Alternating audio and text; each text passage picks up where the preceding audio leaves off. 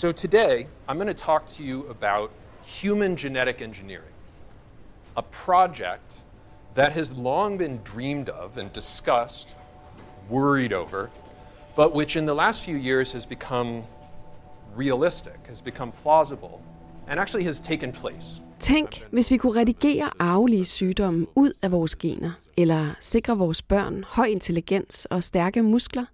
Simpelthen gøre mennesker bedre. So the story that I'm going to tell you begins with an experiment undertaken by a young Chinese scientist. His name is Hu Zhenghui. He wanted I de senere år har potentialet i genredigering med CRISPR skabt en teknologisk revolution, der kan transformere vores samfund og omdefinere, hvad det vil sige at være menneske.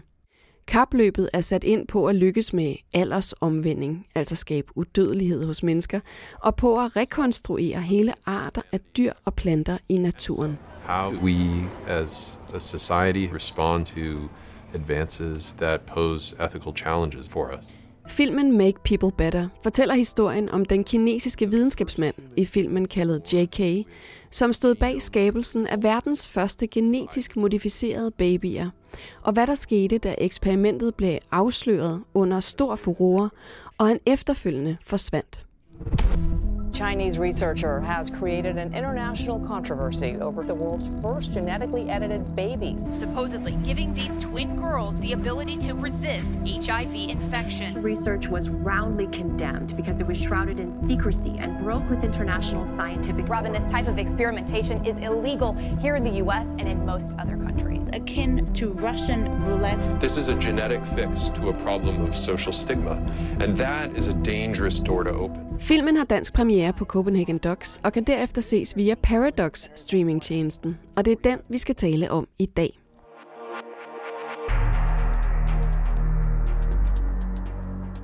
I Dogspot dykker jeg ned i en udvalgt dokumentarfilm og taler med en ekspert, som kan tilføje endnu et perspektiv til historien. Det er svært helt at undgå spoilers, når man bruger en halv time på at nørde en enkelt film og temaet bag, men jeg skal gøre mit allerbedste for, at podcasten kommer til at bidrage til lysten til at se filmen, selvom visse ting måske vil blive afsløret. Så er I advaret. he he just gave me three words. Make people better. Make people better. Hej Eva. Hej Marie.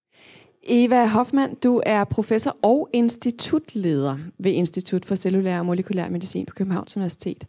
Og så forsker du i, hvordan vores DNA forandrer sig i embryoer, og hvordan øh, CRISPR kan bruges til forskning og behandling.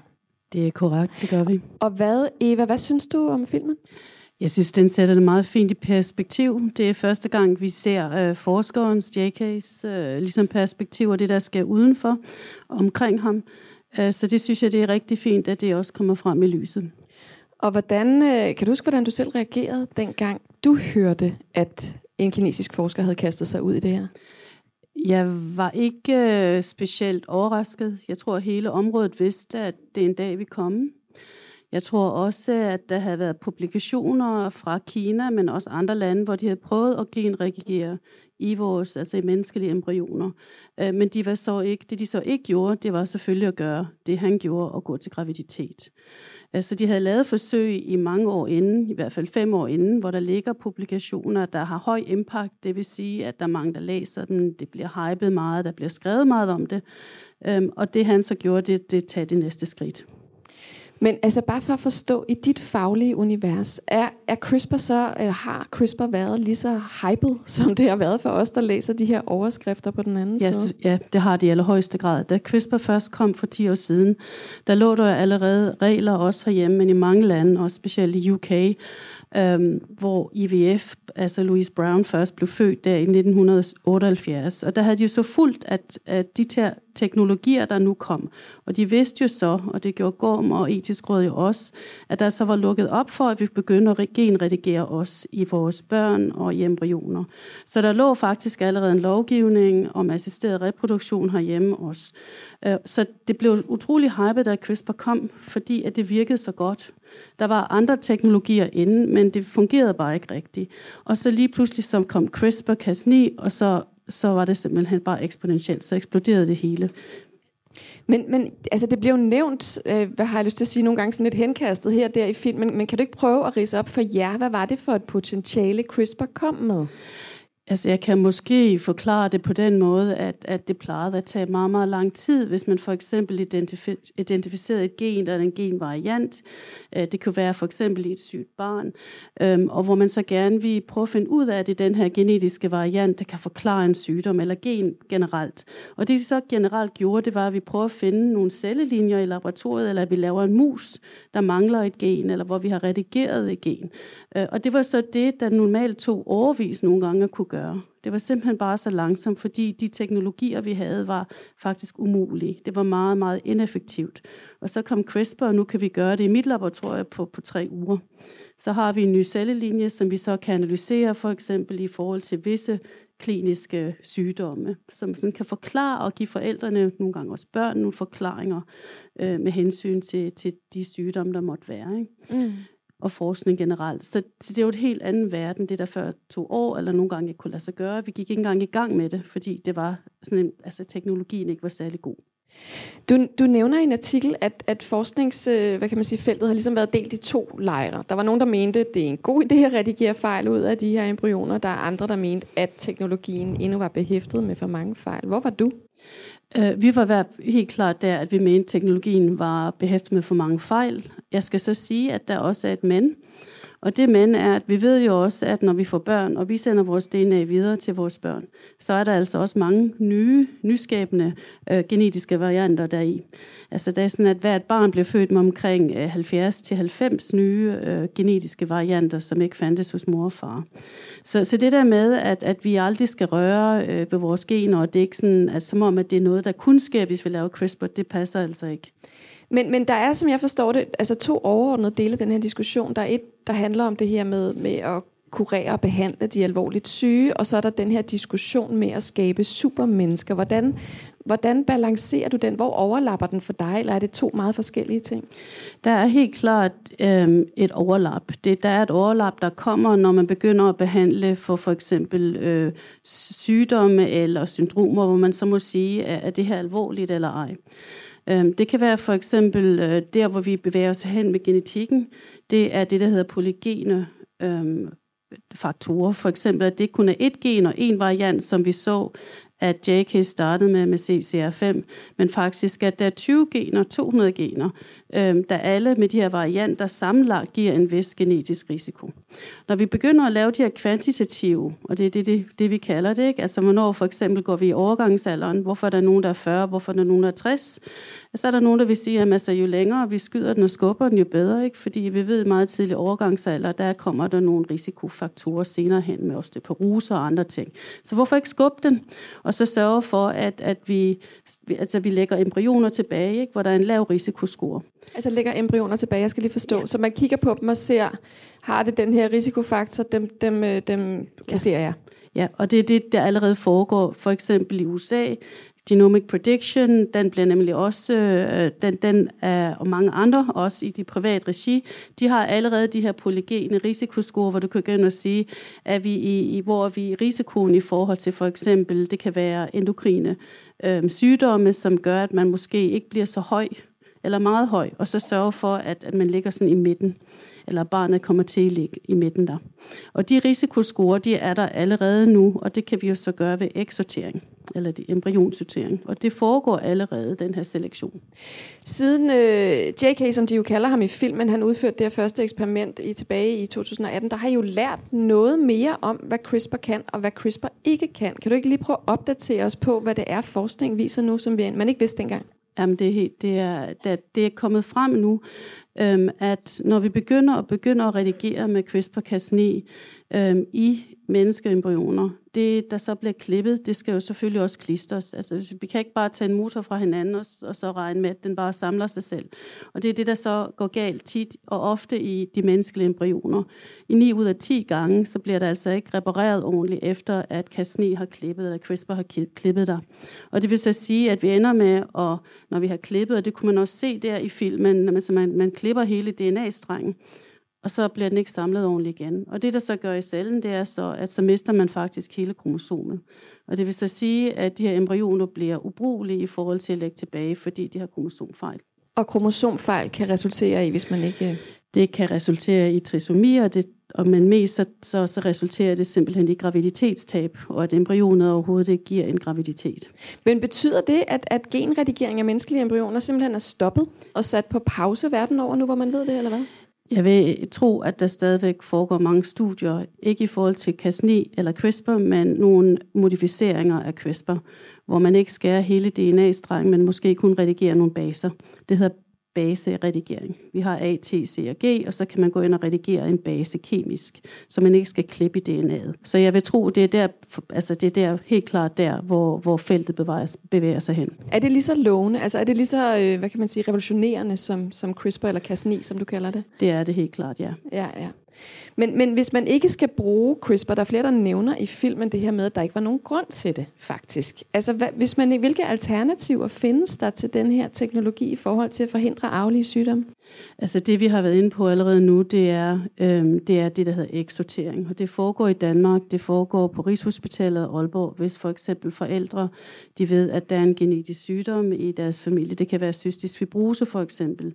Det de så gør, det er, at de giver en runde i IVF, og så bliver der lavet nogle embryoner, og de embryoner, de bliver så screenet. Man tager en lille biopsi, og så tjekker man så, om, om øh, cystisk fibrose varianten den er der eller ej. Og så bliver der så lagt et embryon tilbage eller op i kvinden, som så ikke har det. Det skal så siges, at, at for mig var det meget tydeligt, øh, og det vises ikke i filmen, der hvor J.K. giver sin præsentation på den der store konference. Der er et meget berømt billede af ham, hvor han viser resultatet for sådan en, en, et embryontesting. Det vil sige, der er taget en lille biopsi, og så har han sekvenseret CCR5-genet. Ikke? Og der er det allerede helt klart, at det, der er blevet redigeret, det er ikke korrekt. Det er en helt anden variant, han har puttet i, end det vi kender, som kan, altså, som kan reducere risikoen for HIV-infektion. Det er en helt anden, og så i hvert fald to, i en af pigerne, der er der stadigvæk et gen, der er normalt, og så et, der har fået en anden redigering i CCR5. Og det betyder jo så, at, øh, at de nok aldrig skulle have lagt de her embryoner tilbage. Og det bliver ikke spekuleret i nødvendigvis i filmen, men hvad kan der så være sket for de her piger? Altså, hvordan, hvad, kan, hvad kan konsekvensen have været for dem? Jeg tror jo helt klart, at de har valgt CCR5 ud af den liste, vi så. Øh, fordi at de vidste, at hvis de misredigerede, eller der skete noget, at, at, øh, at så vil konsekvenserne ikke være særlig store, fordi at de nok ikke vil være eksponeret til HIV. Det skal så også helt klart siges, at vi allerede har rigtig gode behandlingsmuligheder, hvis folk, der har HIV-infektion, gerne vil være forældre. Men det er, nok, det er jo nok derfor, de har valgt CCR5, og ikke en af de meget, meget alvorlige varianter, der kigger rigtig, rigtig alvorlig sygdom, hvis man ikke redigerer rigtigt. Så der har helt klart også været en strategisk, et strategisk valg, at de har gået for CCR5. Hvis ikke, øh, som du siger, at, at CRISPR eller Cas9 er den rigtige teknologi at bruge til, til menneskelige embryoner, hvad, hvad skal man så bruge CRISPR til? Hvad synes du er i orden at bruge CRISPR til? Altså, det er blevet foreslået, at vi skal bruge CRISPR-Cas9 eller CRISPR til i, i embryon øje med øhm, i en meget, meget lille patientgruppe, hvor øhm, en mor eller far, de har nedarvet øh, for eksempel to kromosomer, der er limet sammen. Øh, og der er der så blevet foreslået, at man så kunne gå ind hos dem, og så kunne man bruge det til simpelthen at klippe det, så de ikke sidder sammen mere. Det er der blevet foreslået faktisk, og det må vi så se. Jeg ved, der er altså bare forsøg, forskningsforsøg i gang i embryoner, om det kan lade sig gøre. Det andet, det er ligesom mere det lange syn, det er, at vi faktisk ikke skulle redigere i, i embryoner, men vi redigerer faktisk i kønscellerne, sædcellerne eller ægcellerne. Og det er også noget, der, der ligesom har bevågenhed nu i, i forhold til, hvad vi kan. Og det tror jeg også kommer, når vi kan gro vores kønsceller i, i laboratoriet også. Det, mm. Vi er der ikke helt endnu, men det kommer helt klart. Det bliver næste skub. Og der kunne man så godt forestille sig, at CRISPR-Cas9 faktisk vil fungere godt. Tusind tak, Eva. Selv tak. Hej Gorm. Hej. Gorm Greisen, du er overlæge på Rigshospitalet og professor i pædiatri, og så er du tidligere formand for Etisk Råd. Gorm, hvad synes du om filmen? Ej, jeg synes, den var lidt kulørt. Øh, jeg er sådan lidt nørdig, så jeg synes godt, der kunne have været lidt flere sådan detaljer, altså tekniske detaljer lidt mere, sådan, fordi det her med teknik og videnskab, det er jo noget, vi alle sammen skal vide noget mere om. Det der med at gøre det til en fodboldkamp mellem nogle personer, øh, synes jeg sådan set. Men altså, hvad søren, det skal jo være en film. Men det var spændende. Altså underliggende ja, musikken. Så, uh. ja. På den anden side, jeg ved jo godt, at de henretter folk i Kina, hvis de ikke retter sig ordentligt. Og, og jeg ved godt, der er kort fra en held til en skurk. Øh, det afhænger jo helt af folkestemningen eller magthaverne. Så på den måde er der jo ikke noget som helst mærkeligt ved den her film. Går tilbage i 2016, der besluttede et flertal i etisk råd, at det ikke bør være tilladt at ændre på generne hos kommende børn, for dermed at fjerne arveanlæg for alvorlige sygdomme. Hvis vi lige skal spole tilbage til den diskussion, det var dengang, du var formand. Hvad, øh, hvordan forløb den? Hvad var det, I primært diskuterede? diskussionen i udvalg, eller i, i rådet er jo som sådan noget, er, vi er, var, er 17 lidt tilfældigt udvalgte mennesker med forskellig baggrund. Og der var så 11, som endte med at sige sådan lidt principielt, nej, det er ikke en vej, vi skal gå ned af. Det bliver for svært at sikre sig, at det bliver sikkert. Øh, og har vi, vi har ikke rigtig brug for det. Fordi det drejer sig jo ikke om behandling af sygdom, det drejer sig om øh, at give alle mennesker mulighed for til at få de børn, eller nogle mennesker mulighed for at få de børn, de gerne vil have. Og så var der øh, en anden gruppe, seks, som sagde, ah, hvis det bliver sikkert nok, så synes de argumenterne, nemlig at øh, som det er nu, bliver der jo faktisk født nogle mennesker med sygdomme, som man kan sige, hvis ellers det virkede og var sikkert nok, ikke behøvede at blive født med de sygdomme og ville få bedre liv. Men, men Gorm, hvad var problemet egentlig? Altså det skal man vel sådan rise op. Altså hvad er, hvad er det store problem her?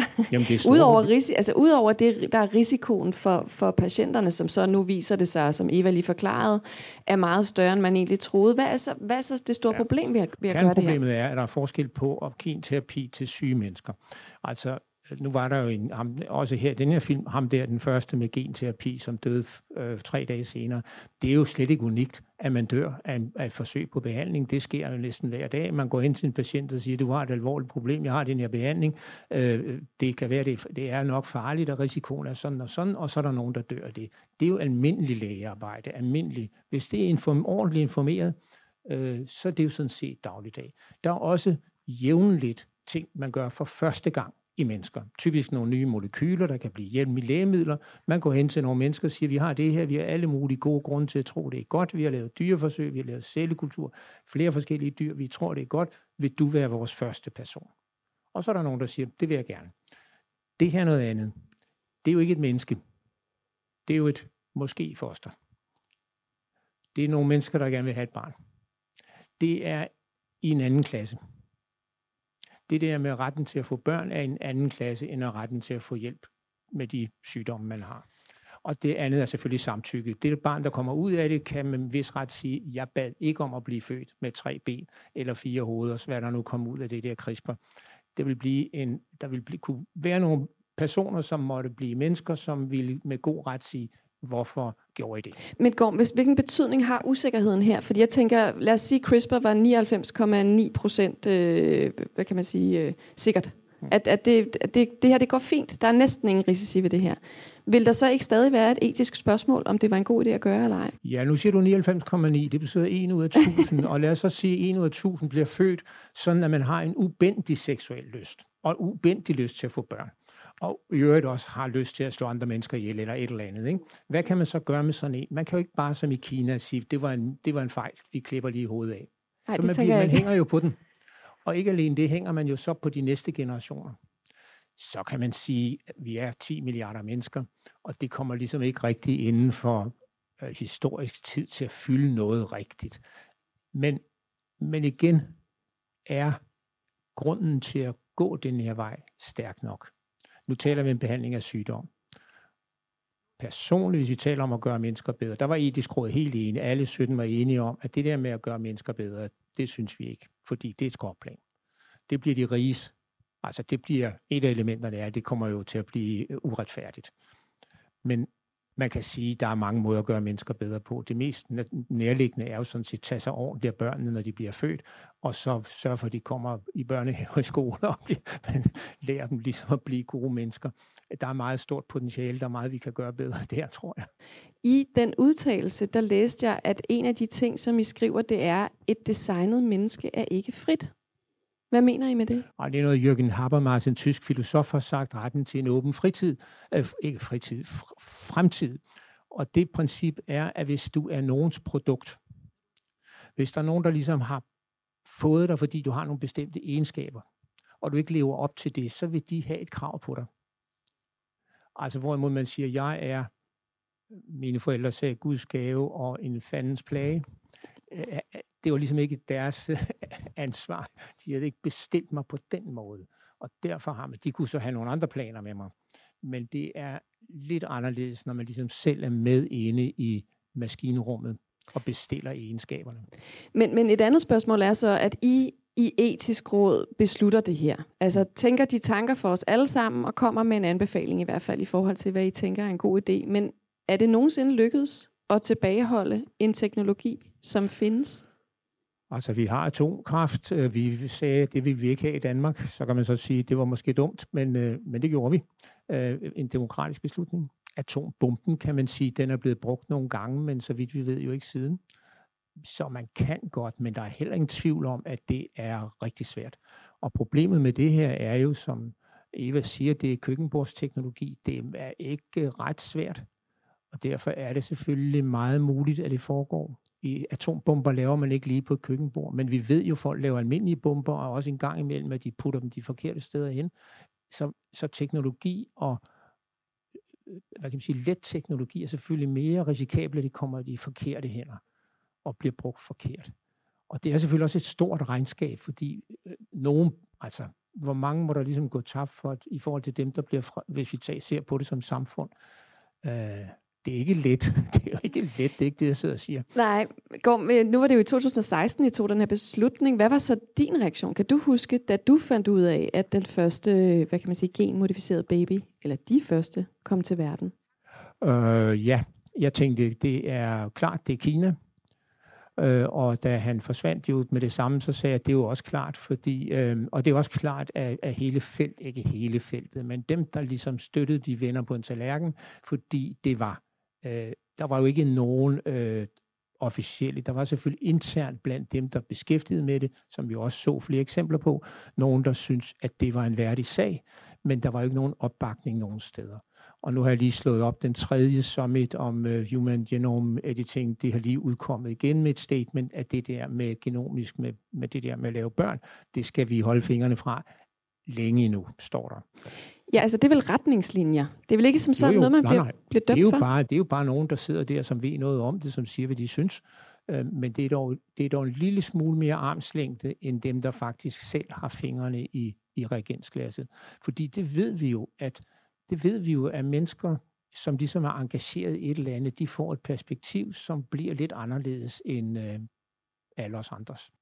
Men bare for, øh, for lige til sidst at vende tilbage til, I sidder øh, 17 mennesker, eller I sad 17 mennesker og diskuterede det her tilbage i, i 2016. De, de seks personer, der så faktisk endte med at sige, for os er det okay.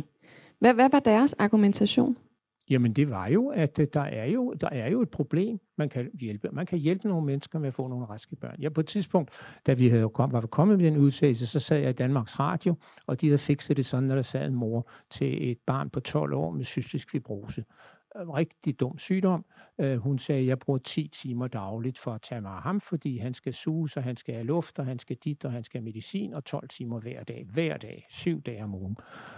Og så skulle jeg sidde der og sige, hvorfor vil jeg forhindre øh, dem i at få den løsning? Og så sagde jeg, jamen øh, det kunne jo være, at to mennesker med cystisk fibrose, det vil sige to gener, to syge gener, en recessiv sygdom, øh, havde kastet øjnene på hinanden, mens de sad og ventede i et eller andet ambulatorium for cystisk fibrose patienter. Det er slet ikke umuligt. Og de gerne ville have et barn. Så ville de ikke have en mulighed for at få et barn uden cystisk fibrose. Skulle de så ikke have lov? Nu er jeg jo så gammel, så, men jeg sagde, nej, det synes jeg simpelthen ikke. Altså, så må de finde en anden.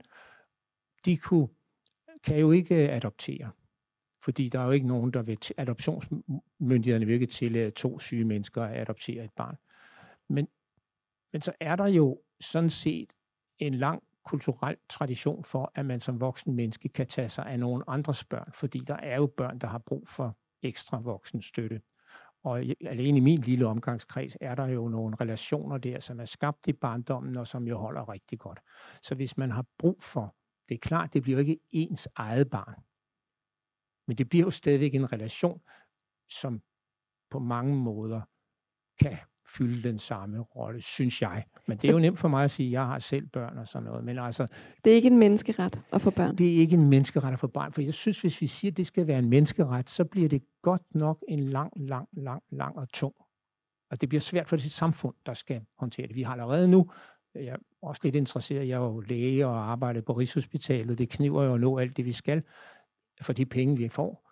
Og allerede nu kniver det sådan set med at give anstændig behandling til, med til syge mennesker. Og hvis vi nu også skulle lægge det her lag ovenpå, så, så tror jeg, vi gaber over mere, end vi kan. Og så dertil kommer så risikoen for, at der vil blive nogle meget dramatiske bivirkninger i generationer frem, mens vi øver os på, på det. Og det kunne godt være, at det bliver bedre, men det er jo lige en høj pris i vores, altså, ja, mm. i vores samfund.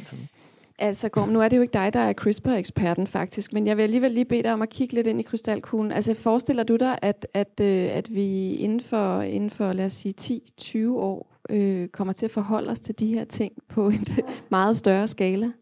Altså redigering af, af menneskelige embryoner?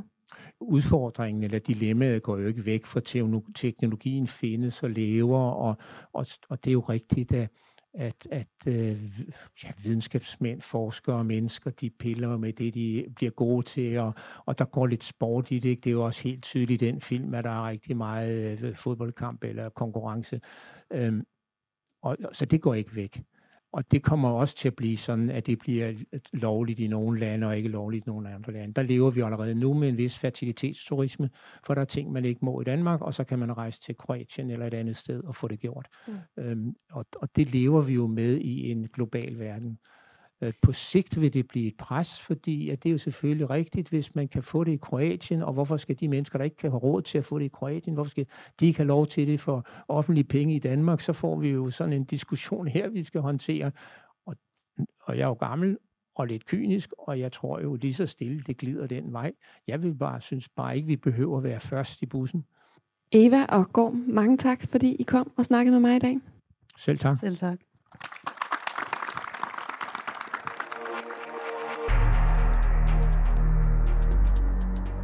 Tak til professor ved Institut for Cellulær og Molekylær Medicin Eva Hoffmann og overlæge og tidligere formand for Etisk Råd Gorm Greisen. Du har hørt klip fra filmen Make People Better, instrueret af Cody Sheehy. Hvis du har fået lyst til at se filmen selv, så kan du finde den på paradox.dk, hvor du kan lege rigtig mange af de dokumentarfilm, der har været vist på Copenhagen Docs, og som ellers ikke kan ses andre steder. Og hvor du kan finde mere og gratis viden til alle film i form af podcast, artikler, videoer og meget mere.